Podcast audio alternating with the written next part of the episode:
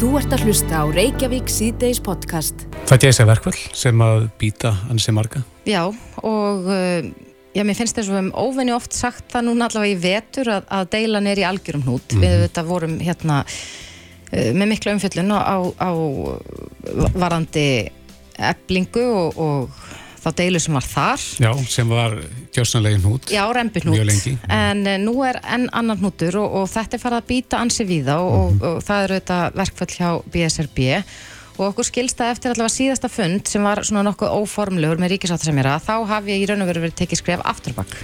Já, sagði Sonja Ír Þorbergsdóttir, eh, formaður BSRB, sem er komið til okkar, velkomin. Takk fyrir. Hvað meinar með skrif aftur á bakk? Um, við þetta höfum verið mjög skýr BSB megin um, um okkar kröfur, hvað þurfa að gerast til þess að við náum saman og það fælst í því að við séum að leiðrætta missett í launum okkar félagsfólk sem að starfa í sömu störfum og aðrir og, og, og munar á þeim sem er í öðrum stættafélögum og sömu leiðis að sé vera að lifta lægslu laununum sérstaklega til þess að jafna laun e, í öllum sveitafélögunum. Þetta er þá, við erum að horfa á aukagreisli sem var samið um hjá Reykjavík og Borg fyrir þreymur árum en síðan auðvitað einu svona samningafundum og þá auðvitað fara samtölu stundum svona viðan völl og það var umverulega bara þannig að okkur fannst við vera að fara aftur á bakk fyrir eitthvað náfram á þessu fundi til miður. En, en ykkar kröfur eru, já, eins og þú fóst yfir hérna, þið viljið leiðrætta þennan launamun og lifta uh, þeim sem að er að fá lægstu launin. Hefur, hefur ekkert þokast í þeim efnum? Er, sér sambandið ekki uh, einhver lausn? Er umvölulega því að þetta eru sko kröfur í nokkurum liðum að það máli segja að við höfum þúkast að einhver leiti nær hvert öru uh, en það sem að kannski steitir hvað helst á uh, er þessi krafa okkar um leiðrættingu og það sem að fólk býr við bara mismundilögin að fólk sem er í nákvæmlega sumu störfum og þau. Og ég heyri þá viðtölu núna að þau sambandi er umverulega að nefna þá sérstaklega að þau vil ekki fara í afturvirkni samnings og það hefur leiði bara mjög skýrt fyrir lengri tíma okkar halvu að að það væri hægt að ganga frá þessum eingreislu þar að segja horfa til framtíðar og, og leysa þetta mál. Þetta eru að meðaltali 128 áskrónur uh, sem er þá fyrir okkar fólk er þetta þessi 25% munur á launahækkunum áskrundöldi en bara 0,3% af heldar launakostnaði sveitafélag. Þannig að maður sér svona, þetta munar auðvitað okkar fólk miklu meira. Þetta er fólk sem er á allra lægstu laununum og er í ómissandi störfum eins og í leikskólum og grunnskólum og, og bæjarskristum og svo mætti lengi telja.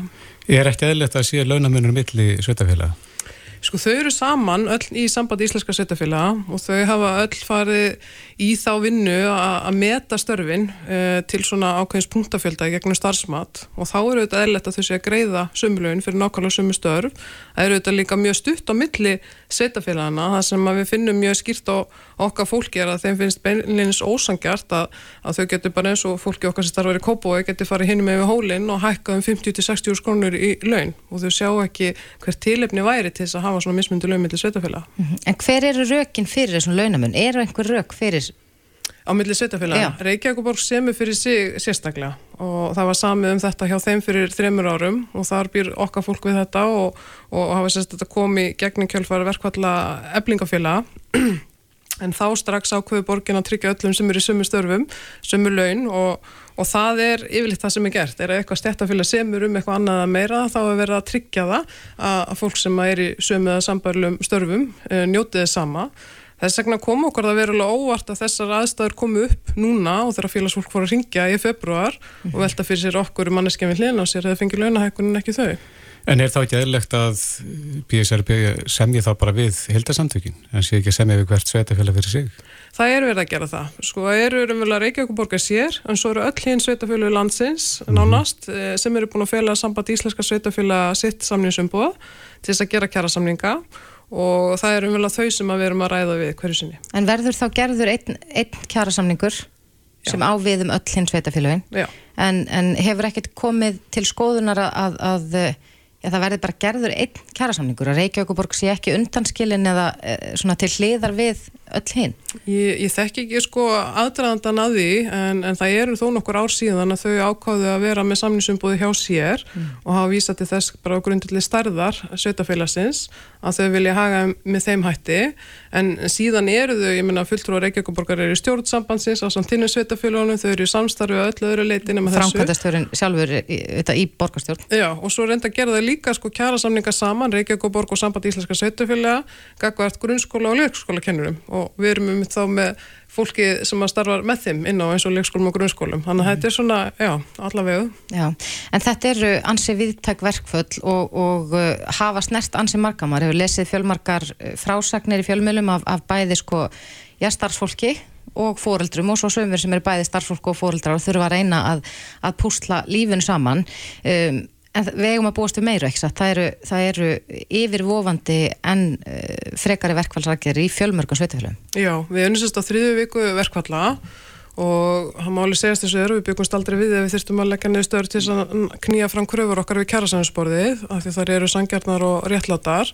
Þess að ákvaða að fara í svona stigmagnandi aðgerir og svona alltaf verða að bæta í. Og þessa vikuna er þetta sérst í ellu sveitafölum og eru aðalega leikskólanir og svo er þetta líka hafnirnar í Þólásöfn og Vesmanum en síðan sérst 5. júni í fjóruðu vikunni að, þá erum við að tekur þetta til flest allar starfa sem okkar fólk sinnir í 29 sveitafylgum og þá erum við komið fyrir utan leikskólanum hafninnar að þá er að bætast við sérst eins og bæjaskristöðnar og fólk okkar sem starfar í áhaldahúsum við að færa umhverju og undirbúa 17. júni sundlegaðnar og íþróttamannvirkjum verður þá bara uh, ótímabundi í verkvalli þángar til að lesist úr og, og hérna og svo er þetta vinnuskóla sumstaðar og almenningssamgöngur og akkurýri. Eru sveitafjölin að spara sér penning með því að hafa þetta fólki í verkvælum? Já, þau eru ekki, ekki að greiða fólki laun þegar það eru verkvöldum en það er náttúrulega gríðalegu samfélagslegu kostnæðar af þessu því að markveldis áhrifinu eru þau að allar mest foreldra leikskóla batna komast ekki til vinnu og svo framvegis. Þetta lítur að vera freysnivandi samt fyrir sveitafjölegu skuld. Ég held sko að aðalega það er náttúrulega mjög erfitt að eiga við ímyndina sem fylgir því að þú viljir ekki greiða þínu fólki eh, sangjörn og, og réttlátt laun og ég með þetta er fólk sem að sinni sínu starfi af alúð því finnst mjög erfitt að leggja henni störf og ég ætla bara rétt að vona að sveitafjölunum tekja það sama þetta sé erfið staða.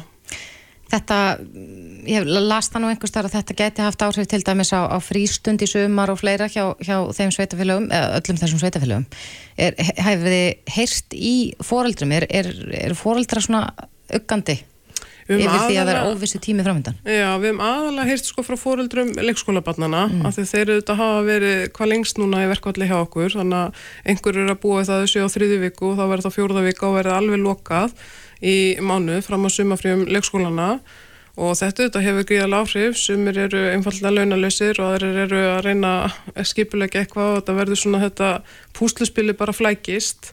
E, þannig að þetta er bara mjög erfist aða Já, en þið ætlaði að funda í kvöld eða vera með, með baráttufund í bæjarbíói? Já, fyrst byrjum við á, á baráttufundi í bæjarbíói þar sem við ætlum að koma saman. Þetta eru sérst 11 aldafílu BSB sem er að semja saman núna við sambandi og þau hafa öll haldið baráttufundi svona í sínu nærsemfalegi. Þannig að við ætlum að reyna að hittast sem flest í hafnafyrðunum. Einhver eru auðvitað út á landi og munum þá fylgjast með gegnum streymi og svo þetta bjóðum við líka allt stuðnisfólk bara hjertalega velkomið. Mm -hmm. Ég tók að því fréttum dagsins í dag mikil fjöldi fólks ruttist inn á bæjarskrifstu og Kópavóks. Er, er að færast harka í, í þessar aðgerðir og, og, og ykkar baratu? Sko sáfundur var skipilegar á fóreldrum í Kópói sem að vildu bara svona stuðla að framgangi okkar krafna og, og mörg þeirra nefndu það myndi viðtölum að, að það væri mikilvægt að það er því samið við þetta frábæra og ómissandi fólk. Uh, ég, þetta var rúmlega klukkutíma langu fundur skilst mér og, og síðan þá vegna þess að bæjastjórin hafði ekki viljað Eh, þykja bóðum að hitta hópin að, að þá var ákveð að gera þetta. En, en ég upplifði náttúrulega ekki kannski að vera harka í þessu. Það eru líka okkar fólk sem starfar inn á bæjarskrifstónum sem tók bara vel á mótuðum og gaf börnunum keks og, og vatn skilst mér. Já, Já þetta er forvitinlegt og, og við hvetjum fólk til þess að ég eh, kynna sér bara á fundin ykkar klukkan 17.30 í dag. Sonja Ír Þorbergsdóttir, formadur BSRB Kærar þakki fyrir kominu og gangi ykkur vel. Takk hella Þú ert að hlusta á Reykjavík C-Days podcast Já, það er ótt að segja að það hefur verið mikið lumrað um gerfigrind og uh, svolítið spennandi að hugsa til þess að gerfigrindi geti komið til hjálpar í heilbyrðistjærfinu. Já, svo sannarlega. Við fengum nú um daginn til okkar forman Læknanfélags Íslands og vorum að þess að bera þetta undir hana steininni, hvort að gerfigrindin uh, gæti nýst mm -hmm. til þess að, að já, bara hjálpa, jáfnvel spara tíma í hinn og þessu sem að tengist heilbyrðiskerfinu, hvort sem það eru heimilislækningar eða eitthvað annað og hún var nú ég er bara svona ansi bjart sín á það að þetta gæti hjálpað mm -hmm. en það þýrstu þetta að, að stíga var, varfarin skref og ja. þessi umræð værirun komin á stað innan eh, lækna stjættarinnar. Og gott betur en það, nú er bara rannsókn sem að likur fyrir, eh, rannsókn fjóra íslenskar vísindamanna. Akkurat og einn þeirra er sestur hérna hjá okkur, Steindur Ellertsson, sérnámslæknir í heimilslækningum. Komdu sæl og blessar. Komið sæl, takk fyrir að bjóða mér. Já, þetta, þið, þú varst að rannsaka þetta, þetta var hluti af þínu doktorsnámi, ekki satt? Jú, þessi grein er afrakstur af uh, sko, samstarfi Þórnarmiðstöðar Íslenska heilsugjæslu og Háskólanans í Reykjavík. Og þar kemur mitt doktorsnám aðeins inn í. Og uh, ég er hérna einn af, af, af fjórum höfundum, þetta er þessi tvei læknar þar með ég og, og svo tveir tölunarfræðingar sem eru þá innan háir mm -hmm. og hérna, já, bara spennandi niðurstöður sem að byrtust í, í, í síðustu viku. Já, faraðins yfir þessa niðurstöðu með okkur. Er, er þetta spennandi heimur? Þetta er mjög spennandi heimur. Þetta er mikill svona ólgusjór, rauðþróun, margt að gerast mm -hmm. og uh, það sem við erum að, að gera er í raunin að, að skoða hvort við getum nota gerurgrinn til að, að uh, það sem kallast einnkennastiga sjúklinga áður þeir koma á, á hilsugjæslu og það er bara mannamáli, þá erum við bara að meta hversu alvarlega einnkenni fólks eru áður en, áður en þau koma. Mm -hmm og í þessari rannsók þá eru við að skoða fólk með eh, öndunarfara sjúkdóma. Og uh, við þjálfum hann að gerðvirkenda líka ná atriðum úr uh, sjúkarskrám fólks og byggjum þá líka nefnir að spá fyrir um líkindi á alvarlegum uh, sjúkdómi. Og um, látum svo líka nefnir taka hóp óseðra sjúklinga, það er að segja þetta eru sjúklingar sem líka nefnir ekki sé áður og og skiptaði mér rauninni bara í tíu áhættu hópa það sem að, að hópu reitt er það sem líkanir telur uh, sjúklingar að vera með vægenginni og hópu tíu er það alveg lögstu enginni og, og svo eru þarna hópar á milli. Mm -hmm. og svo notu við svona þekta þætti um, uh, sem eru að segja okkur aðeins til um hversu alvarlega sjúkdóm fólk er með raunverulega. Og sem dæmið þetta er, er endurkomuð tíni fólks á, á helsugjæslu og bráðmáttöku innan sjötaga uh, við skoðum uh, ávísum síklarleifja við skoðum það sem kallast CRP-gildi sem er eh, blóðprótein sem hefur ákvæmna fylgni við eh, bakterjusúkdóma og þetta er svona nokkri þættir og, og hérna, skoðum við raun þessa þætti í hverjum hópi fyrir sig til að meta hversu vel líkan er næra að skipta þessum hópi sjúklinga í átuhópa mm. og niðurstaðan er rauninu svo að, að e, það næra að gera þetta bara afskaplega vel og Uh, fyrst og fremst þeir sem fara í lágáttu hópana eru þá sjúklingar sem eru umverulega með lág áhættu á, á, hérna, á, á alvarlegum undurfarsjúkdómi. Og svo öfugt þeir sem fara í hópana eru þá með, með herri áhættu og á slíku úksjúkdómi þannig að, að hérna, það var bara mjög spennand að sjá það. Mm -hmm. Sko það, það kom mér óvart, ég, ég las nú uh, stuttu vittal við þig inn á vísi.is og þar kemur fram að lækna vittul á heilsugjastlustöðum er um 700.000 ári og við hefum ítrekkað, talað um svo sem byggtíma og lendur nú bara í því sjálfum daginn að panta með tíma í heimilsleikni og svo þegar loksinn tíminn kom ég á að gleyma af hverju pantaði tíma, það leið svo langur tími. Myndi þetta, ef, ef þetta er þið tekið í nótkunn og, og, og gerfigreindir myndi koma mm, með auknum mæli inn á helsugæslutöðunar uh, já bara auðvelda uh, læknunum lífið að því leiti að, að já kannski svona tilhæfu lausari uh, heimsóknir er þið fátíðari Um, já, það er alltaf líkur á því og hérna, það er svona spurning bara hvernig tækni um, er tekinu nótkunn innan helbríðskjælusins. Mm. Það er mikið álag og, og hérna, ég myndi að svo segir, biti mín er langur og, og, og hérna, það sem svolítið skiptir máli er að innan helbríðskjælusins er fólk með ákveðina, uh, það er ákveð svona vinnuflæði sem fólk er vant og um, það er mikilvægt að þróa verkfæri sem að trubla ekki vinnuferðla fólks en í raun stiðja það og, og um, hjálpa því að vinna það vinnu sem það þarf að vinna á, í raun án þess að hérna, já, í raun bara trubla vinnuna. Og ég segi þetta því að þegar að tækniði tekinni í notkunni helbískernu þá, þá er hún ekkit endilega alltaf til góðs. Þannig að, að og það er líka kannski ástæðan fyrir því að, að hérna, það þarf svolítið svona sterkar rannsóknir á baku svona hluti það er að er bara, það þurfa að skoða til hlítar hvort þessi tekní sé virkilega að hjálpa eða ekki. En þú ert antalega búin að stúdira þetta í einhver tíma og hugsa þess hversu langt þetta getur gengið. Hva, hvað, hvað serðu fyrir þér í, í framtíðin að, að gerðveikrendi getur komið mikið inn?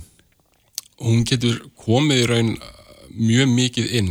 Um, þessi rannsókn sem, sem við erum að, að byrta, hún maður sé fyrir sér að, að í raun sé svona fór einkina stegun, þetta er í raun aðferð sem hægt að beita á allas í raun sjúkdómafla sem er, svo lengi sem við höfum bara gögnum sem þú þarf til að, að, að hérna, stíða við niðurstöðunar um, svo er það það er gríðað mikið umræðið um, um chat-GBT og, og svona stór mállíkun og, mm. og stór hluti af um, e, því sem við gerum í, í bara tölvum daglega er bara textavinsla, þannig að það, það eru líka gríðalega stór verkverði þar.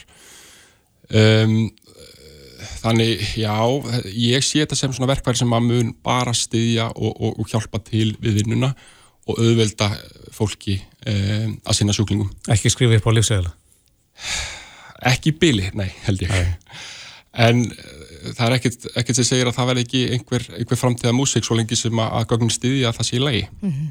Það kom ungur leknir til okkur í viðtalum daginn og var að tala um, um löst sem er notur í Noregi þar sem að, að þetta er svona ákveðin mjög sérhæður spurningalisti sem fólk svarar til dæmis ef að uh, já, einstaklingur er með sögum um þrálatar þvakkfærasíkingar og, og þekkir enginn greiðlega vel svarar einhverjum ákveðin lista að það sé búið að sjálfvirkni væða þetta einhver leiti til dæmis eins og, og já, spara fólki tíman að þurfa ekki að fara og býða eftir tíma á helsugjastlunni þú veist vissulega kannski fyrir nokkuð fyrir vist hvað er að heldur þú að, að það sé eitthvað sem myndi koma til hagspota fyrir heimilsleikna?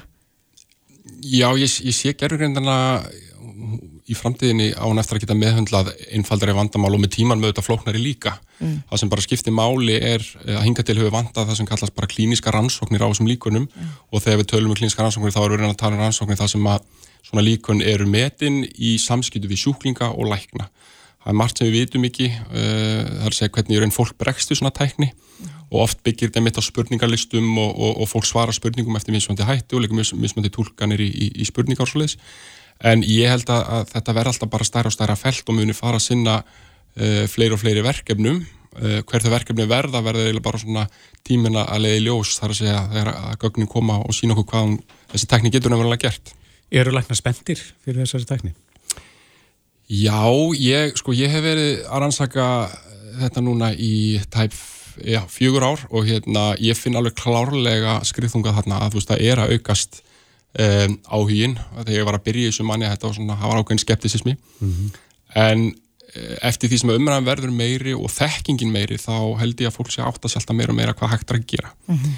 þannig að, að, eh, eftir því sem að rannsóknum verður líka fleiri að maður þarf bara góða rannsókn til að samfara heilbíðstarflug þannig að hérna, þá held ég að þetta eh, spennamunni bara aukast Já.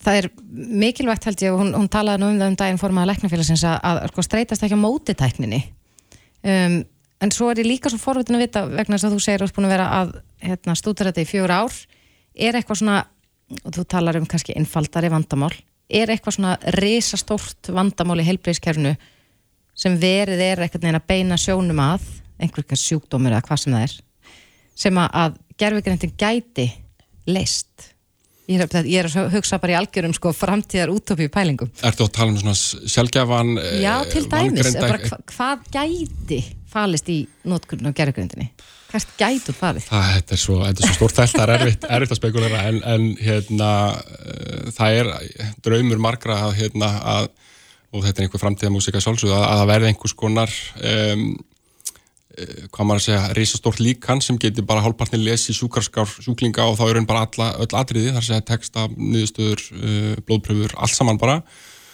og þá dreyja einhvers konar áleiktanir út frá því.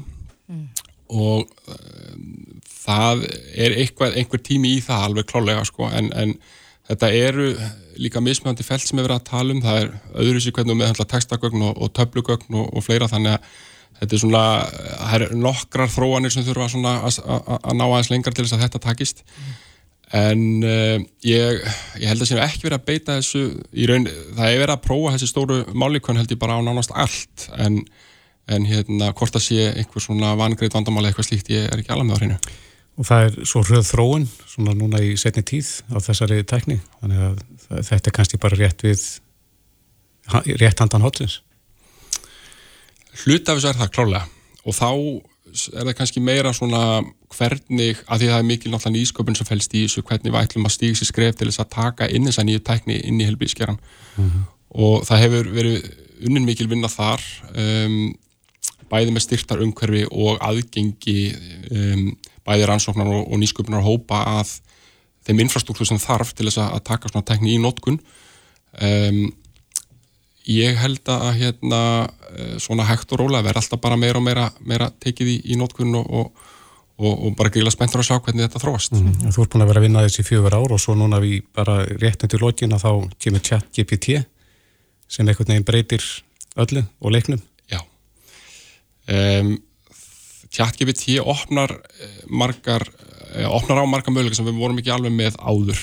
Þetta er raun nýr þjálfunamáti á, á líkonum sem að, að hérna, gerir einn svona reysamálikunum uh, eh, kleifta spjalla en það er gríðalega margt eftir sem aftur að vinna þar og sérstaklega það kemur af að heilbriðs uh, heilbriðs hamhengi þá er þessi líkun þau eru gjörn á að, að spinna upp alls konar svona fabuleringar uh, það eru rángar upplýsingar og, og, og fleira sem svona sem kvíslast inn í það sem kemur út úr þeim þannig að þetta er rosalega spennandi fælt að eins og ég segi það er gríðaleg málvinnsla mm -hmm. í starfi heilbriðstafsna í dag þannig að að hérna... Þú ert spenntur en varkár? Já, ég held að það sé ágætis sumring og ég held að við ættum flest að vera það. Þetta er rosa spennandi en, en einmitt það þarf bara að rannsaka hlutina vel og, og hérna, tryggja að tæknin sé að, að hjálpa okkur en ekki, ekki trubla okkur Já. og þá held ég að þetta veri bara heitla mælegt.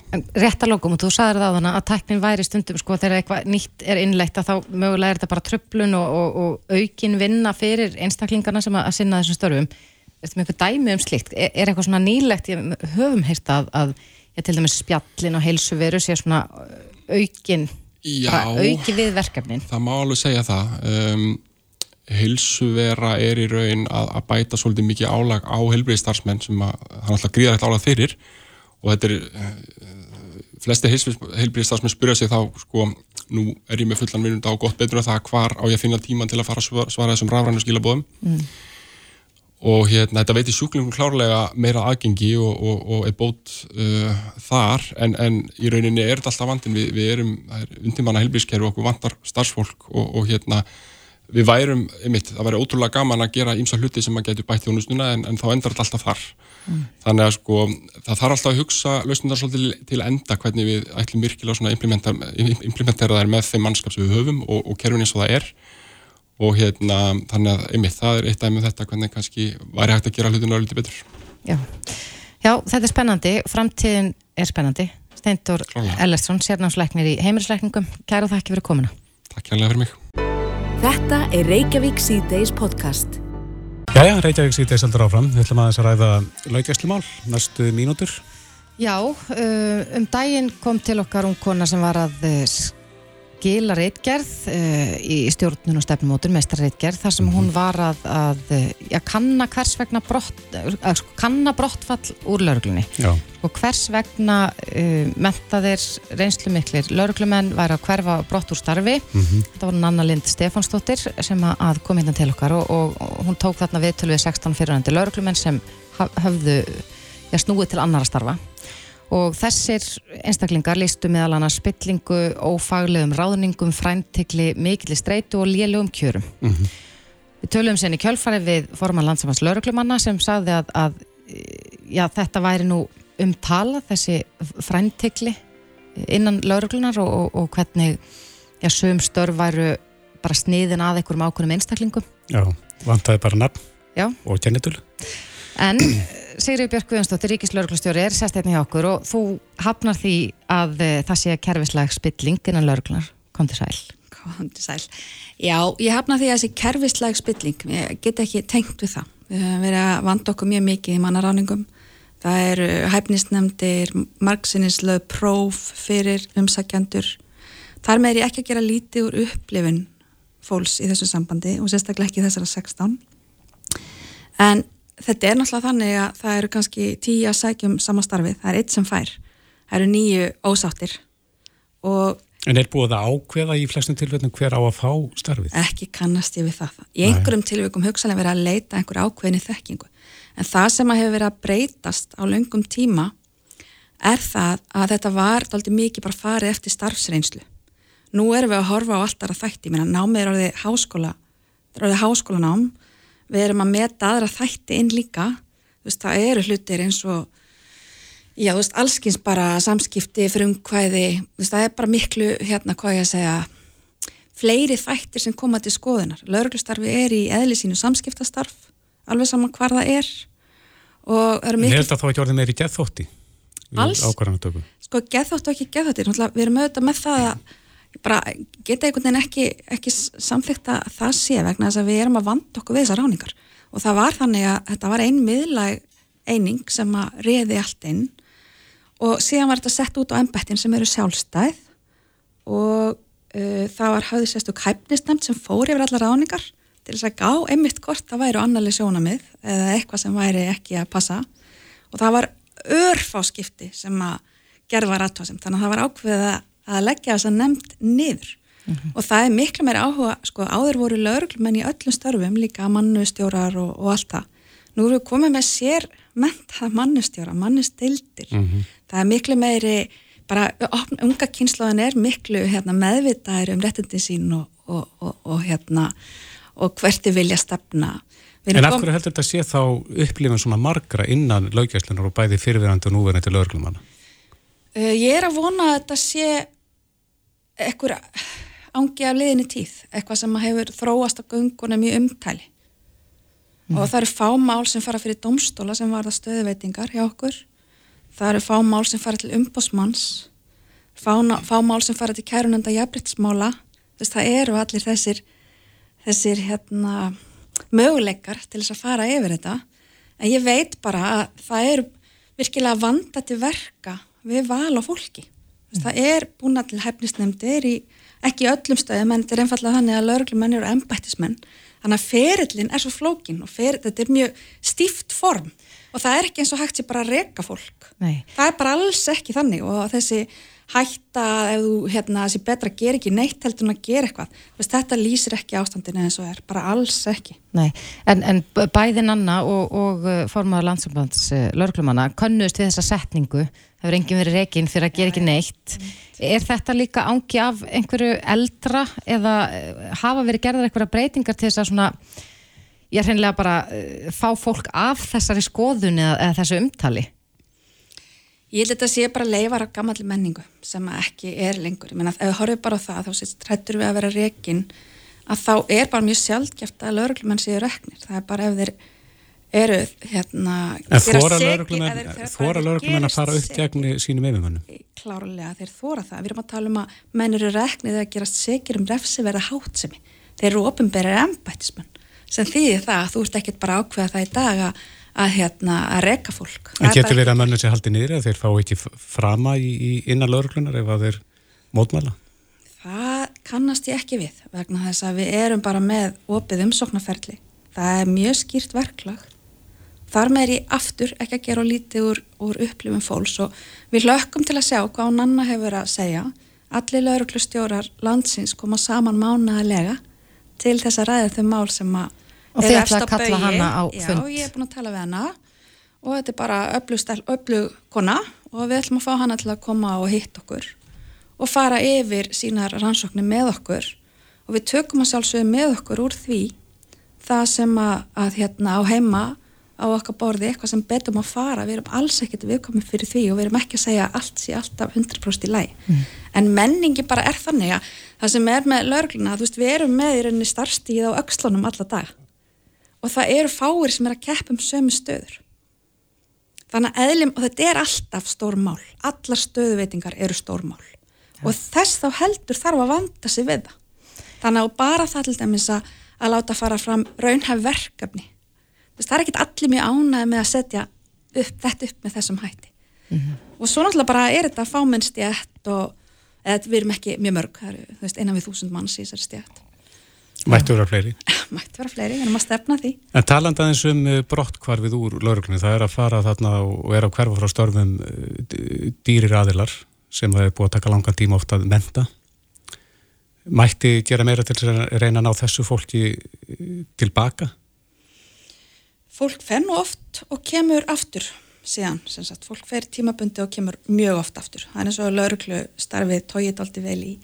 Og í brottfallstölunum okkar er meðal hann að svæðingaróla og þess og við erum að sjá það að allavega þeir sem fór í háskólanámi, það er alltaf nýjasta fólki okkar, við erum að halda stórum hópum þar.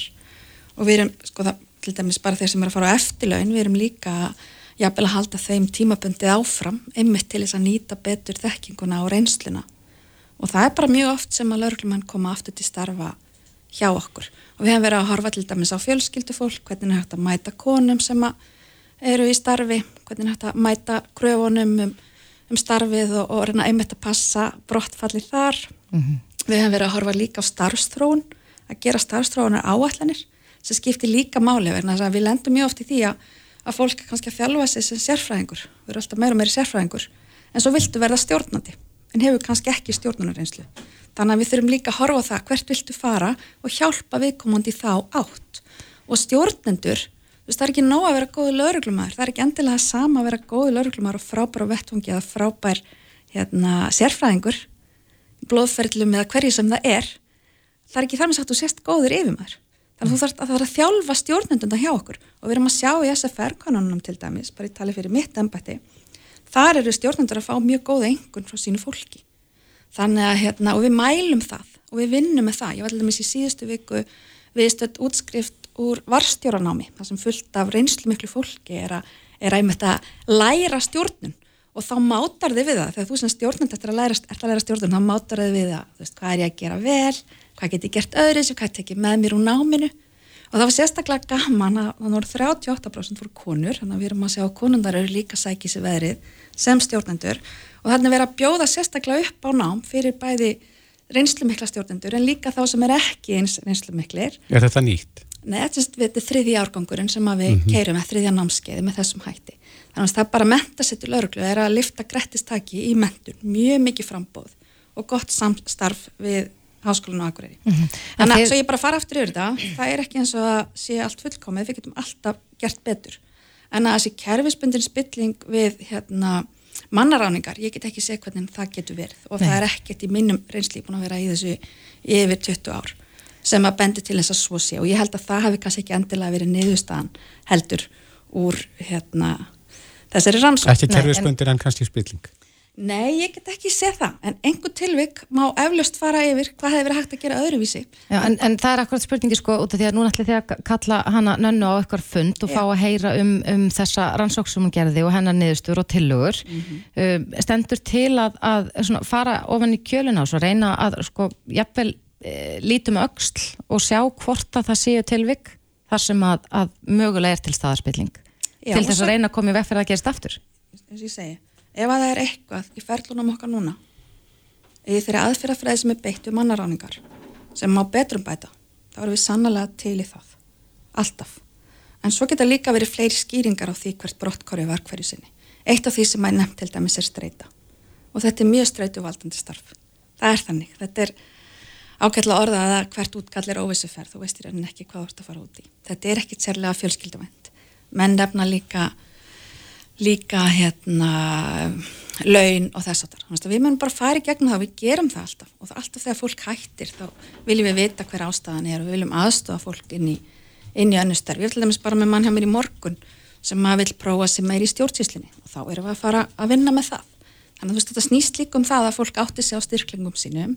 Það er ekki, það eru stjórn þess að í rauninni eru við með, með hvað ég að segja, hýrarki eða hérna, það er óbáslega margir millistjórnendur og laung leið upp og niður. Við erum þurfum að fletja svolítið út valdastruktúrin bara til að slutinni gangi hraðar fyrir sig. Þetta get ekki allt verið yfirmannastöður. Þú getur ekki alltaf fengið, það get ekki nýjum manns fengið sömu stöðuna. Þannig að við þurfum líka kannski að vinna meira með það þegar fólk fær sinnjun. Að það sé ekki bara raukstunningur eins og fólk fær, heldur kannski sest niður með viðkomandi ótskýrt. Hvað var það sem ekki hérna, gerði það verkum og þú fegst ekki stöðuna það er eitt af því sem ég tek með mér úr þessu. Kannski þurfum við bara að útskýra það hans betur. Við hefum líka verið að horfa á þetta með þessi sérsveitar prófunum. Fólk er oft mjög hérna með sín þegar það heldist úr lestinni. Við pössum höldum betur utan á fólk og útskýrum hvaða var sem að sem ekki gekk og þá hvetja fólk til að halda áfram með að bæta einhverju við sig eða, eða reyna við eitthvað annað. Mm -hmm. þannig að við þurfum kannski meira að gera þetta meira í svona markþjálfuna nálgun. En hérna, já, þetta er svona eitt af því sem við erum að skoða. Mm -hmm. Já Sigriði Björg Guðjónsdóttir, Ríkislauglustjóri Kæra þætti fyrir komin og það verður gaman að sjá hvað kemur út úr spjalli ykkar við annan önnu Takk fyrir Takk Þetta er Reykjavík C-Days podcast Jæja, Reykjavík sýtið seldur áfram, þetta eru erfið tímar víða, mm -hmm. það kreppir að. Já, svo sannarlega, við auðvitað tölum gríðalega oft um, um efnaðasmálinn. Mm -hmm. Það var 13. stýrivastahekkurinn í rauðum dægin, það er talað um snjóhengju þegar kemur að, að íbúðalánum, uh, vextir fara að losna hjá fólki og svo eru vextir í hæstu hæðum og verðbólka. Þetta er ekkert mjög jákvægt tal. Nei, og, og sögum við fatnar að ganga á spartnæðin sinn, svona til að láta endan á saman. Já, og svona, svo í ofanálag eru já, verkföll já. og uh, það þýðir að, að margir hafa þurft að, að svona, já, kannski að pústla lífi sinu öðruvísi saman til þess að láta allt gangu upp hvað var þar vinnu og, og uh, börnin mm -hmm. Og þetta getur skapað spennu og getur, já, verið bara aukið álag á parsambönd Einmitt. en uh, við ætlum að fá nokkur hagnýtt og góð ráð og á línun hjá okkur í dag er hann Theodor Francis Birgisson, klíniskur fjarlagsraðgjafi. Kom þú sæl og blessaður, Theodor. Góðan daginn og takk fyrir að bjóða mér í þáttin ykkar. Já, alltaf gaman að heyri þér. En, Já, eh, mamma, mamma verður alltaf svo stolt þegar hún heyri í litla strafningum og jútafir. Sko. Það er gaman að heyra. Já, já, já. En eh, eins og Þórtís nefnir hérna, það, það kreppir aðansi við það og já. þetta eru kannski áskoranir fyrir fólk í sambandum, ekki síst? Já, sannlega. Sannalóð, við, við, við heyrum mjög mikið af þessum áhyggjum í, í, hjá þeim sem koma í vittöld til okkar og það er alveg ástæðlis að hafa áhyggjur af bæði efnæðsástandinu, það er heldur ekki síður ástæðlis að hafa áhyggjur af tróun inn margafæstina uh, og, og þegar maður spyr sko hvað, hvað, er, hvað er til hvað, hvað er til ráða, hvað, er þetta breyta, þá myndi ég segja í fyrsta lagi þá, þá þarf að auka samskipti bæði parsins, það er að segja foreldrana mm -hmm. og síðan auka samskipti foreldra og barna. Það er að mínum að þetta er allt og lítið af því og ég held að flestir séu sammálum það og þar koma náttúrulega snjárstæki og, og, og, og hérna og þessi dásamla tækni sem við höfum yfir að ráða en hún getur líka að bytja okkur í þessin og er að gera það á sömu stöðu. Já, það kreppir að, Theodor, eh, er það yfirleitt helst ástæða þess að fólk leitar til mannes og þín, það er að segja þegar, það kreppir að það eru fjármálinn? Fjármál er eitt af aðal eh, þar að segja, sem samkvæmt rannsóknum okkar færustu sérfræðinga, þá eru sex atriði sem eru líkluslis að koma parsambundu um andraði og fjármál er þar nummið tvö á listanum. Uh, og, og erfileikar í fjármálum, streyta í fjármálum setja fleiri parsambundu úr skóruðum heldur um framhjáhald. Já, og fyrir forvitnisakir þá er ég, ég er mjög spennt að vita hvaða sex atriði er þetta?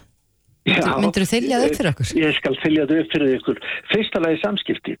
Og í rauninni ef við getum náða að laga samskiptin þá lagast hinnir fimm bara eiginlega nánast að sjálfustil því þetta eru tildulega einföld atriði. En atrið nummið tvö eru fjármál. Það er að segja streyta í fjármálum valdalega svakalega miklu merfileikum í parsamböndum sinna kynlíf. Uh, og það er í, í í kynlíf er alltaf ófyrstar væntingar og það getur verið væntingin um að fá að stunda kynlíf eða væntingin um að þurfi ekki stunda kynlíf og báðar jafn valit mm -hmm. og síðan kemur uh, síðan er það uh, það sem er nú búið svolítið farið að kalla triðjuvaktina í íslensku tali í dag. Það er bara verkskipting heima og álægið heima hver á að gera hvað. Uh, og síðan er, er það, það samskiptu við tendafjölskylduna Eh, fjölskynda þín er, er, er, er algjörlega klikk og mín er miklu miklu betri mm -hmm. og síðan er það vinnustæðurinn okkur fær vinnustæðurinn alltaf að njóta vafans umfram fjölskylduna það er alltaf að stökka til í vinnu en það er aldrei hægt að gera eitthvað sem fjölskylduna byggjum mm. og, og það er þessi sex aldriði sem að fólk lendir í vandra með og, og fjármál er nummið tvö á listanum mm -hmm. En, en eh, Já, ofan á þessi, sko, ofan á fjármála áhyggjur hjá fólki Já. í landinu og þá eru þetta líka þessi verkvöld eh, bæði Já. er búin að vera í gangi í þrjár veikur og, og enn frekari verkvöld yfir vofandi. Er, er þetta eitruð blanda þegar það er komið sko, já, verkaskiptingin breytist, einhver þarf að vera heima halvan og heilan dag með barni sem er kannski leikskóla, svo eru fjármál, mm fjármála ágjörnur bara ofan á það mm -hmm. er þetta uppskrift vandræði?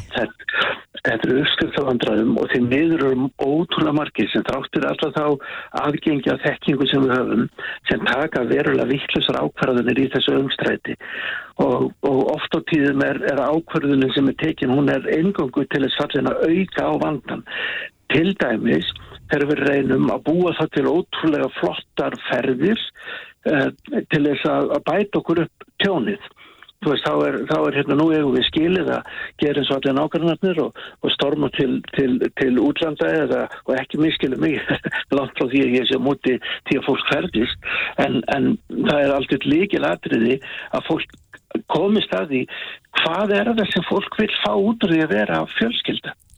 Hvað er það sem raunverulega skiptir máli? Mm -hmm. og þar bara flaskar fólk ótrúlega oft. Já En þegar að eins og segir að, að ástæð, helst ástæðan eða númið tvö er, er fjármálinn, er, er fólk að leita til þín með, með sínar fjármála áhegjur eða, eða á fólk frekar að leita til fjármálar ágjafa? Ég myndi allan daginn ráleika fólki að lita til fjármálar ráðgjáða með fjárhags áhyggjur en, en, en ég hitti afar sjaldan par sem er, er aldrei sultu slagt við fjármálarum sínum. Það eru langflest pör með einhverjar áhyggjur. Mm -hmm. og, og, og þess að ég er eitthvað bara lítið fyrirtæki þá, þá tala ég við einstakling fyrir ekki löngu síðan uh, sem er eitthvað verulega stór fyrirtæki verulega umfangsmikil og, og ég spurði þann góða einstakling á hvaða tímapunkti hætti maður að vera með hjartbrannir yfir reksturinnum sínum og hann segi ég er ekki búin að vera í reksturinnum í 30 ára en ég veit ekki hvernig það kemur. En, en það, það eru allir með einhver ágjör af einhverju. Mm. uh, og fjármála eh, umræða kemur alltaf, nánast alltaf upp í, í, í því þegar við erum að tala um eh, parsambund mm. vegna þess að það eru það eru óuppfylltar vendingar sem að fólk er að lendi vandræða með. Og óuppfyllt vendingarna verða óuppfylltar því mörgum tilfellum þá veit parið ekki alveg vendingar þegar það er er ekki búið að tala um það. Nei, þannig að samskipti eru likillin að því algjör slíki latrið og það er mjög gott að leita til, til pararákjafa með, með samskiptavandamál mm -hmm. og, og fólk ætti að gera það alveg aftáðstalust ætti það að gera það og, og, og síðan myndi þá ef að umræðan snýst verulega að verulega leitum fjármál þá myndi allir eh, ábyrðarfullir parterapistar vísa því til fjármálarákjafa mm. það er eitthvað sem er bara mjög mikilvægt að faga að sjáum og við eigum í, á landun okkar við verulega flinka einstaklinga sem geta ráðast mjög vel um fjármál og auðvitað ættu allar fjölskyldur að vera með fjármálinn sín undir góðri yfir sín og vita nokkur með einn uh, hvað er að gerast. Já, en sko, út af þú talaði nú þessum rekstur á þann og ef maður horfir Já. á starri fyrirtækja þá er, er mjög skýr verkaskipting, það er einhver fjármálastjóri Já. og svo er einhver frankvátastjóri.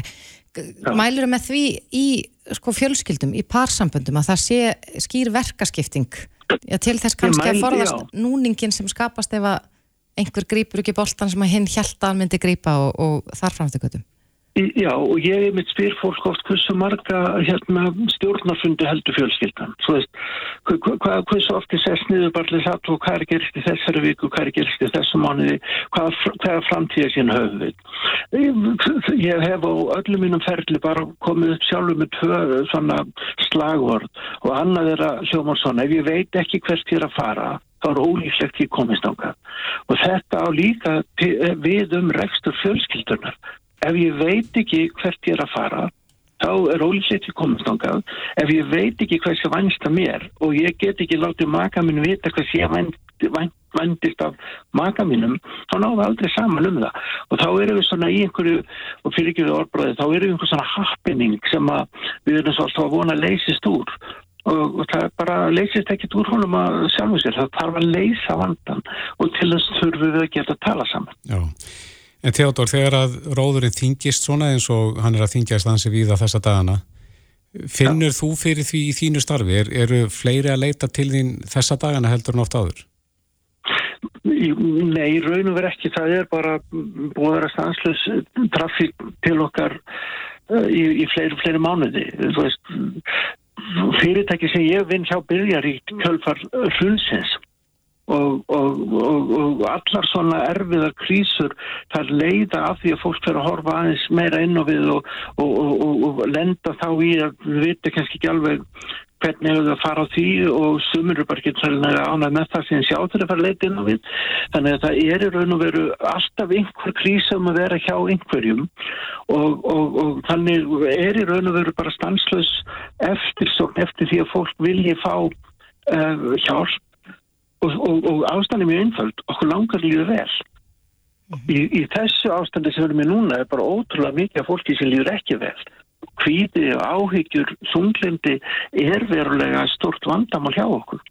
Og þar kemur líka eitt af því góða við okkur sem að búum Ísland er að við erum svo flinki að býta og hjálp sem að halda áfram það er ekki alltaf snjált í, í vandamálum þegar kemur upp í parsambandi einhver vandamál, það er ekki alltaf snjált að býta bara hjálp sem að halda áfram það er miklu betra að setja sniður horfa slögu og segja hver er vandin, þetta er alltaf leysan á vanda Og stærsti líkillin er svo að segja það er, eru samstiftin að, að tala saman. Já, algjörlega, algjörlega. Og þá segir stundum mig, það er svo mikið að gera, við bara hreinlega höfum ekki tíma. Og þá reynir ég að hljóma ekki dónalega sér ég segi að ágískun mín sé að við höfum öll 24 klukkustundir í sólarinn. Mm. Þetta er spurningum hvernig það slúa að nota tíman, ekki hvort við höfum hann. Við höfum hann, Já. en hvernig að nota hann. En er þá valgengt að, að já, fólk svona beri gremju sína í hljóði? Já, og ræði ekki vandamálinn þar til að, að mögulega bara síður algjörlega upp úr eh, Það er mjög algjörn og sjá til, ég er nú hættur orðið 1967 þannig að ég er ekki aldrað maður en kynsluðin og undan mér þar var þetta byggð að bera harm sínu hljóði. Og, og þannig að þetta er líka eitthvað svona hálgjör þjóðaríþrótt hjá okkur það er, er digð að vera ekki að kvarta og, og, og hérna og það líkur við stundum sagtu fólk ok, þannig að líður mér ylli parsambandinu og þú átt kannski ekki nema 60 ár eftir þannig að þú harkar ekki bara að þér það hljómar bara ekki selja í mínu meirum sko akkurat Já, þetta er aðtegli verðt Theodor Francis Birgisson, klínisku félagsráðgjafi Uh, við slúmum vona að fólk hafi tekið eitthvað með þessum ráðum þínum og geta unni með þau. Enn og aftur takk fyrir að leiða mér að vera á, á, á, í loftunni hjá okkur. Kæra þakki fyrir. Reykjavík síðdeis á Bilginni podcast. Það eru heldur betur tímamót í dag. Já, og já, sorgleg tímamót. Já, ég verða að taka myndi það. Já, hann Gaupi okkar allra er að fara að hveðja skjáin í kvöld. Guðjón Guðmundsson, mættu til okkar velkomin Gaupinni. Já, þakk okkur fyrir. Hvernig líður þér á þessum degi? Mér líður uh, bara vel, ánað með að vera að klára þennan pakka. Já. Búin að vera hérna í rúma þrjá áratýði eða frá árunum 1991, mm -hmm. ef allt er með talið. Og það eru raun svona ákveðin forréttindi að fá að eldast í þessum miðlum, útvarp og sjónvarpi. Það er ekki sjálfgefið á Íslandi. Mm -hmm en það hef ég fengið og ég er afar þakkláttu fyrir það Varstu búin að stefna lengi að því að, að fara þessa leið? Vissur eitthvað að myndir, myndir eiga sko, uh, feril sem spannar yfir meirinn þrjá áratugi? Nei, mér dætti það ekki hugt þegar ég byrjaði því að uh, sko ég byrjaði að lýsa hérna á Bilgjunni 91, handbólta og, og hlaupa í Ími Störf 1992 þá ringdi Ími Yngvi Hrabjónsson og saði okkur vandar aflæsinga fréttamann, þetta ekki mm -hmm. til og ég eh, sagði við hann að ég myndi nú kíkja á hann og spjalla við hann mm -hmm. og hann eiginlega réði mig á staðnum í samfunnu við Heimi Karlsson, þann indislega mann sem þá var uh, yfir Íþrættadeildinni mm -hmm. og yngvi sagði við mig, heyrðu, sko við gangum bara frá þessu hérna núna, þetta var mjög stutt símtall og hvað á ég svo að gera? Þú mætir á morgun og farið ykkur á tvær vikur, ég ætla að sína þér þetta hvernig þetta virkar og út á hvað þetta gengur. Ég mætti held ég á þriði klukka nýju og hann síndi mér skrifstofan og sagði þannig er talvaðinn nú færð þú bara að skrifa fréttir og já, hvert að ég var að senda þær? Ég byrjum á útarpinu í hátöðinu, ég fekk engan aðluna tíma, ég byrjaði bara strax. Ég held að þetta sé ennþá svona, ég man eftir þegar ég byrjaði fjölmjölum fyrir ekkit allöngu síðan. Og þegar það var bara gjörðsvel hér í tölva gangi er vel Þannig gekk þetta fyrir sig. Mm -hmm. En auðvitað voru þetta svolítið sérstakki tímar því á þeim tíma þá þurftum maður mikið að vera í síman og það var ekki internet. Símanir voru ekki komnir eh, og orðnir algengnir, það var einn mm. algengir, það var einn maður með síma, það var Rómar Ragnarsson og hann var eins og ferðartaska Já, akkurat, maður eftir hannum Þannig að- Nokia síminn hans? Já, já, passar, en þetta hefur breyst gríðarlega mikið en, en í þessu fyrirtæki og á stöðinni þá höfum maður verið svo heppin að fá að vinna með algjöru fagfólki. Eh, fólkið á bakvið tjöldin það eru myndatökumenn, hljóðmenn klipparar, tæknistjórar útsendingastjórar. Án þessa fólks bæði í sjónvarp og útvarpi að þá gæti maður ekki gert þetta. Og þetta er fólkið sem maður verður að treysta á. Og eh, mitt ráð til yngri manna sem er að koma að þessu og byrja í þessu starfi og þeir spyrja átt sko hvað er mikilvægast þá segi ég alltaf það sama, það er að hlusta. Já, Já. En, en sko þetta eru mörg ár og eflaust uh, fullt, fullt af sögum sem hættir að segja. Og ég þykist vita að, að uh, já, það verður nú fjallað um fyrirliðin í Íslandi í dag í kvöld. En hins vegar þá langar minn og kannski að fá að heyra eitthvað svona eina sögur, eitthvað, eitthvað svakalega eftirminnilegt sem stendur upp úr eftir 32 ár? Það er bara svo ríkalega mikið og sko bestu sögurnar er ekki hægt að segja Það er engin að hlusta hér, ha? en ég man eftir því og ég ætla að lefa mér að segja það ég veit að hann fyrirgefur mér Eh, sko þegar ég tók mína fyrstu sjónvarsvakt að þá var að lesa Ómar Ragnarsson og ég man ekki hvaða kona var að lesa fréttinar og uh, maður bar auðvitað ómælda virðingu fyrir Ómari hafði hlustað á hann sem barn, syngja öll barnalögin og, og, og hann var bara ædol hann var bara risaðela nema ég tek fréttatíman með Ómari og ég var nú bullandi sveittu því að ég var að gera þetta. Og uh, þegar að fréttatímin er búinn að, að þá fæ ég mér sæti inn á skrifstofu sé ekki þegar að Ómar kemur galvaskur lappar inn á skrifstofuna og hlamma sér niður fyrir frá mig og ég beð bara eftir því að hann myndi hella sér yfir mig.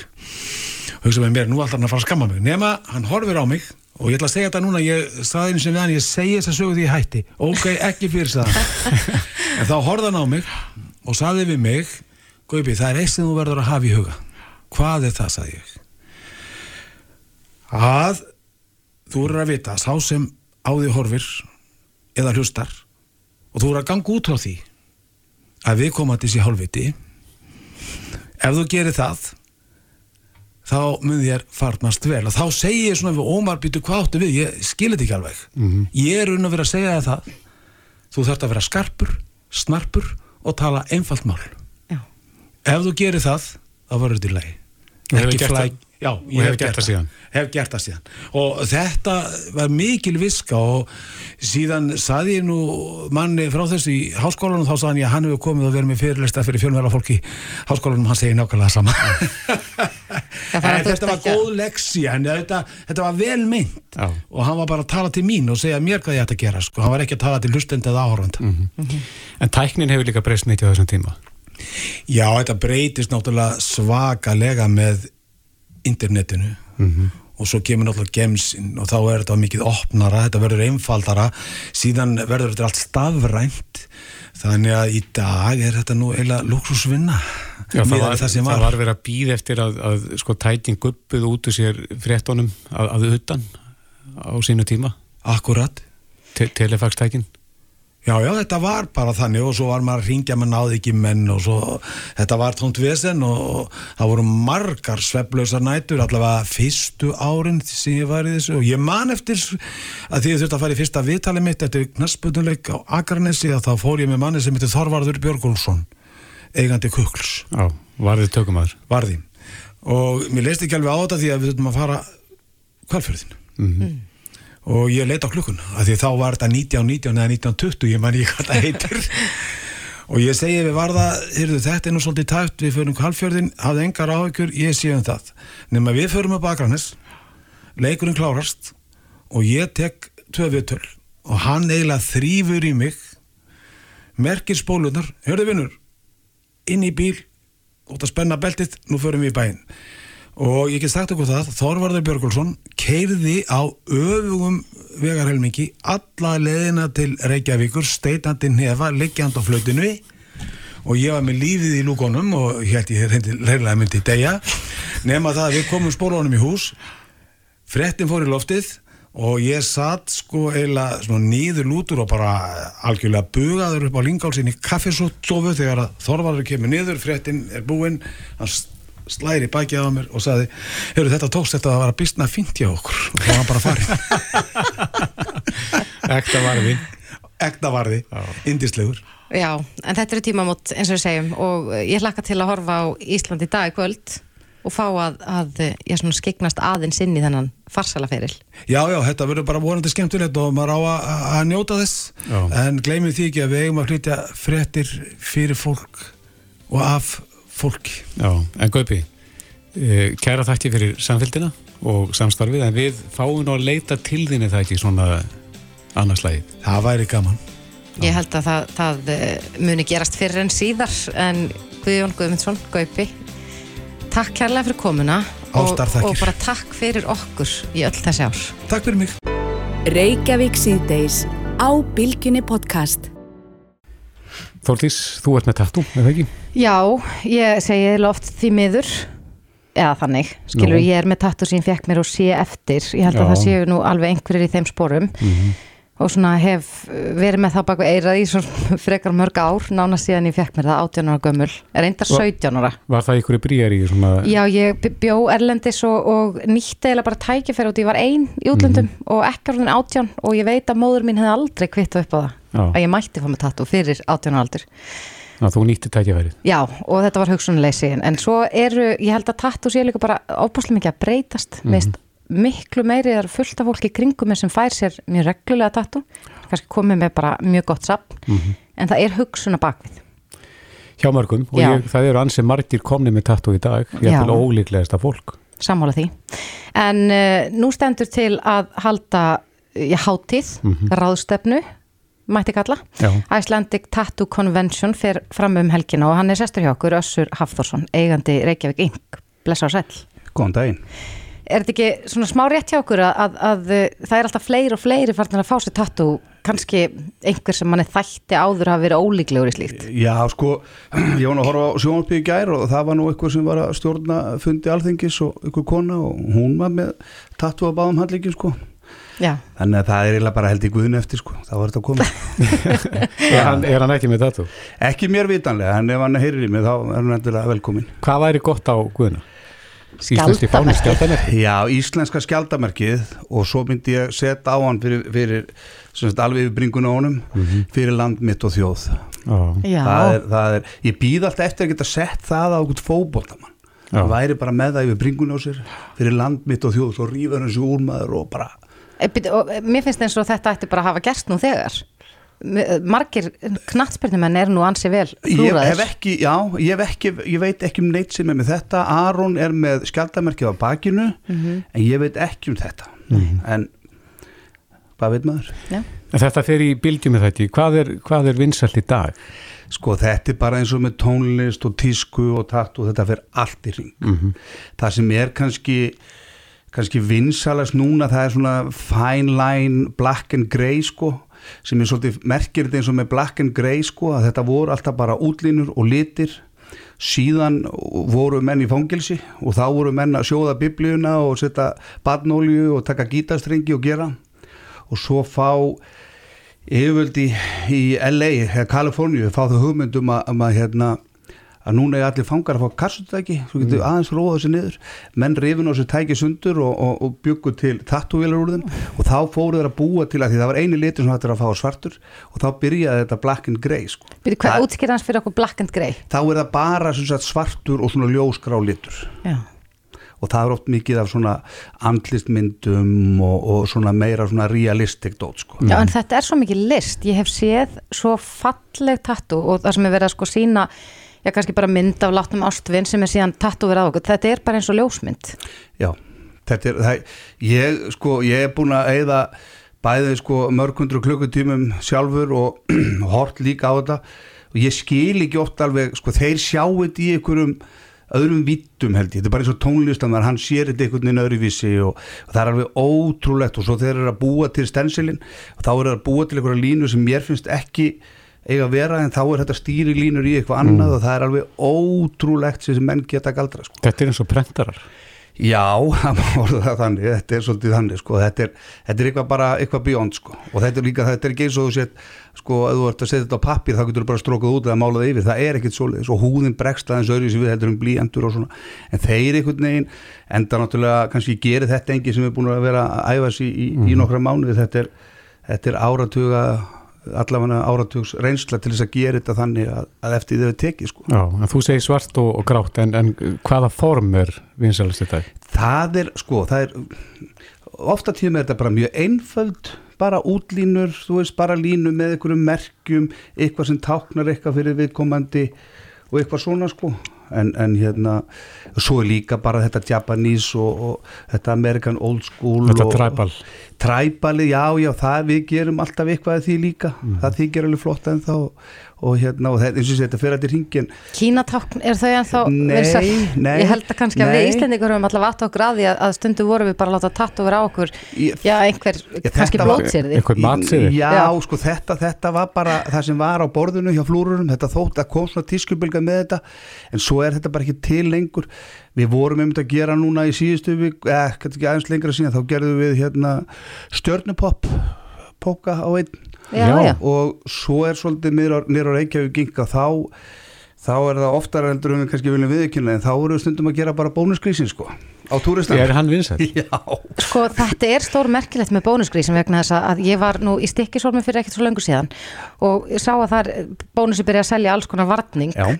en, en afgræslu konan sagði við mig að það væri ítrekkað að túristar fari að starfsfólki og bjóði í vinnufötin þeirra. Já, Sérst, það er ekki nóg að kaupa bara hérna peysu með bónusgrístum, þau vilja fá notaðar flíkur. Notaðar Já, bara eitthvað starfsmanna búninga já, já, já, eiginlega. já, já. Ég, ég veit ekki hvað þetta er sko en, en, en já, þetta þykir fólki bara flott, ég meina, við erum að gera lundan og við erum að gera norðuljósin og alls konar svona sko, svo kemur ykkur bara og það, það, bara, það er ekki að breyta. Hann vil bara fá bónugrísin og ekkert eitthvað lítið, ekkert eitthvað ekki bakstykki en við erum að tala um ofta tíum lóa starð þannig að það er nú bara, þetta er svo skrítið sko, hvað, fólk kannski fæ sér þetta í minning um þessa ferð sem það var að fara til Ísland sem það er búið að sapna sér fyrir lengi og svona, þannig að ástæðan fyrir flúri getur verið bara óendaleg sko.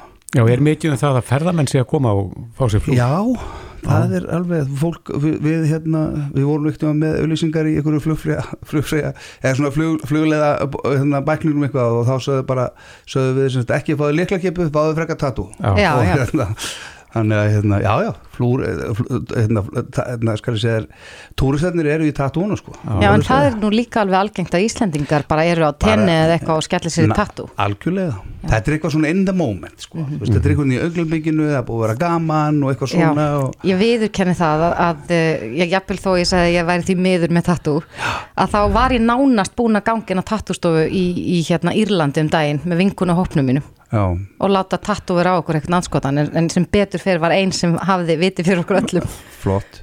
þannig Það, að það er bara, það ég sé alltaf, sko, það er, þetta er ekkert að fara ammanni svo öðvöldlega, þannig að það er allt í lagi að býða í einn dag eða eitt ár til að vera alveg 100% viss. En hvað ætlaði að gera á þessum tíma? Convention, það er ástefna? Það er ástefna sko, Eh, rauninni er þetta nú bara stór tattústofa. Við erum með 30 listamenn frá Brasilíu, Ítalíu, Spáni, Portugal, Pólandi, Englandi og er nánast frá öllum fylgjum í bandaríkjónu sko. Og ég er eflust að gleyma ykkur í landi sko. Sem er að koma og, og tattúra þá Já. þennan tíma? Já.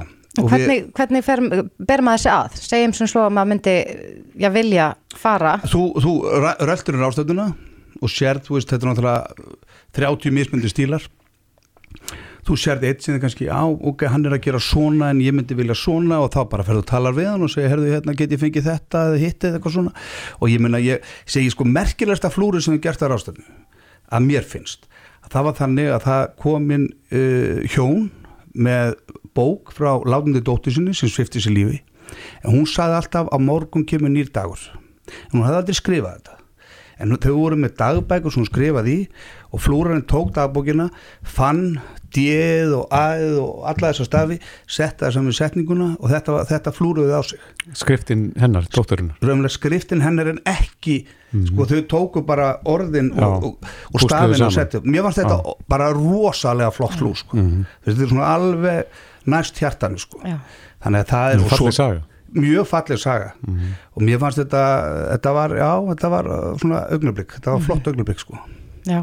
En þannig að maður getur bara mætt og Mætt, það er sér of miða í, í hurðinni, við opnum klukkan 2 á föstudaginn, opið til 10 á laugardaginn opnum við 12 og opið til 10 og svo á sunnundaginn frá, frá 12 til 6 þannig að það er bara, það er ekkit og lítið og ekkit og stórt Mm. Af því að Þórdís talaði um tattúið, sitt sem hún vildi losna við, Já. getur hún látið breyta því? við erum mikið að kofera Já. e, oft á tíðum stundum á ástændinu getum við coverað en stundum þurfum við að leggja svolítið svona svolítið svona, ég ekki að segja hálfgerða rannsóknarvinnu hvað er nú fallegast, hvað vill hún þú veist, hvað er hægt að gera þú veist, en, en hérna og ég er þið hrætt um það að ég myndi mæta bara svona á ráðstefnu og vilja láta kofera þá myndi það bara stækka og svo myndi ég þurfa að láta kofera það og ég myndi enda með bara hérna svona slíf já, og stundum er bara flott að setja eitthvað flott við hliðina á því og þá glemar þessu já, já. Eða, bara, eða bara eiga þetta sem minnisvarða um góða, góða tíma í Suður Ameríku sko. Já, til í. Suður Ameríku, Já. já, já, ok já, já. eitthvað svo leis Herðu, þetta er hérna hljómar spennandi um næstu helgi. næstu helgi, bara allir velkomnir Össur Hafþórsson hjá Reykjavíking. Kæra þætti verið komin og góða skemmtun. takk fyrir það, takk fyrir mig Hlustaðu hvena sem er á Reykjavík C-Days podcast. Það stýttist í það að bylgju lestin rulli af stað það verður bara núna um helgina Já, en það verður líka smá ferðalag hér í Reykjavík síðdeis og uh, já, maður sem að við öll þekkjum ansi vel já, okkar allra besti. já, Þorger Astvaldsson ætlar að vera á puttanum í sumar, Já, blessaður og sæl ég er nýlega hættur en, en það sko halda mér engin bönd. Nei, eh, nei, ja, það er bara því að ég hef gaman að því að vera til og, og, og ek- ekki síst að fara inn á þetta sviði sem ég hef búin að vera viðlóðandi hvað einhver 40-50 ára eða ég veit ekki hvað mikið já, En þú ætlar sem sagt að koma og vera okkur innan handar í, Já. í sumar og verður Já. á ferðinni. Já, við, við erum að, að hérna svona taka e, eins og þau segja útvarsmálið núið og útið Já. inn, það er að segja eitthvað, eitthvað sem er að gera út í beru lofti eitthvað sem fólk er að sísla og og trafík og annað sem að fá svolítið ferskt loft já. Þannig inn í, inn, inn í það, þættina. Er bara svona beint í æð. Já, já, og, Já. og hérna e, þetta á ekki að vera neinn sko, neinn vísindalegangur heldur, heldur bara hvern hittir þú og hvað, hver, hvað mætir þér á förnu vegi? Já, og um, ég er ekki, er ekki nokkur vandrað með að finna fólk. Nei, við erum nú hérna til dæmis við, við Dalinn, Mm Lögardalinn og, sem, Sem að þú þekkir hansi vel. ég þekki mjög vel og, og er hálf valin upp í honum þannig að, þannig að þetta er bara e, mér er það svona ánægja að fá að svona að sprikla eins og unglingur bara Já, með ykkur. Þannig að þú ætlar að, þú ætlar að þefa upp í skemmtilegt fólk já, og viðburði. helst af öllu. Og uh, eitt og eitt alvöru konnundi niðri. Já, já, já. En við fáum að, að eh, já, fylgjast með þér á puttanum á morgun. Þá hefst, hefjast herleitin já, svo, svo er það aftur uh, það er aftur í hérna ferðum uh, víðan völl, þar að segja landið okkar. Já, og ég veit ekkit hvernig það prógram er en, en, en það er búið að, að útsetja um, þetta lag sem að ég uh, bjóð til í hvað ég, ég ætla ekki að segja hvað mörg ár á puttanum. já, 45 ár held ég eitthvað svo leiðis og, og, og varð var svona ég var við, í, við svipar aðstæður þá var ég að þvælast um landið og, og uh, það með sumagliðinni og, og ég var kannski ekki á puttanum alltaf þá en, en ég notaði þetta sem uh, þá var þetta nýtt að náli að fara á puttanum þótti svona það er svolítið töff að fara út á þjóðin og vera á puttanum og alls konar sögur í kringum það og yfirleitt jákvæðir og, og uh, ég notaði þetta sem uh, sko dans, þá var dansmúri eða diskomúsik að reyða sér til rúms og ég gæti náttúrulega ekki, ekki búið til eitt, við vorum ekki með uh, trommur til þess að skila því almennilega. Svo þetta lag var eiginlega eh, svona veikburða tilraun til þess að endurspegla diskóið og, og það var þannig að að sumagliðin vek af sviðinu og, og, tók sér kortes pásu á programminu sko og ég fram á sviðin og, Diskopoltin já, að fram á sviðið og spurði er, er þið allt komin á puttanum? Og þá kom gargið og svo var bara kert á fullu. Já. Og þetta er, hefur svona loðað um mig síðan. Já, en það er heiður að þú ætlar að vera með okkur á puttanum í Reykjavík síðdeis í sumar. Já, ég, ég þekki svolítið til Já, Þú kannast aðeins við aðstæður Og hérna í Reykjavík síðdeis. og uh, mínu kæru vinnir og svo, svo það verður. Ég hef engar áhyggjur af því Nei, ég held að ég tala nú bara fyrir okkur öll að við erum allsæl að fá þau aftur þó að það sé, eh, já, ég ætla ekki að segja mýflugmynd, Nei, alls ekki þannig, Nei. en kannski, kannski sem puttaferðalangur. já, svona, já, eiginleiri og eiginleiri merkingu Já, það. Ástálsson, við bara heyrum í þér aftur á morgun og takk kærlega fyrir að koma. Takk mínir ánægn já, það verður gaman að heyra í Þorgir á puttanum Já, svo sannarlega. En það er komið að fréttum frá fréttastofunni og svo þetta minnum við aftur á Ísland í dag, þar sem við fáum að fara yfir fyrirlinans gaup okkar. Já, en við verum hér aftur á ferðinni á morgun fimmtudag Þórdís, Bræði og Kristófi þakka fyrir sig í dag Verið sæl. Reykjavík síðdeis á Bilginni podcast.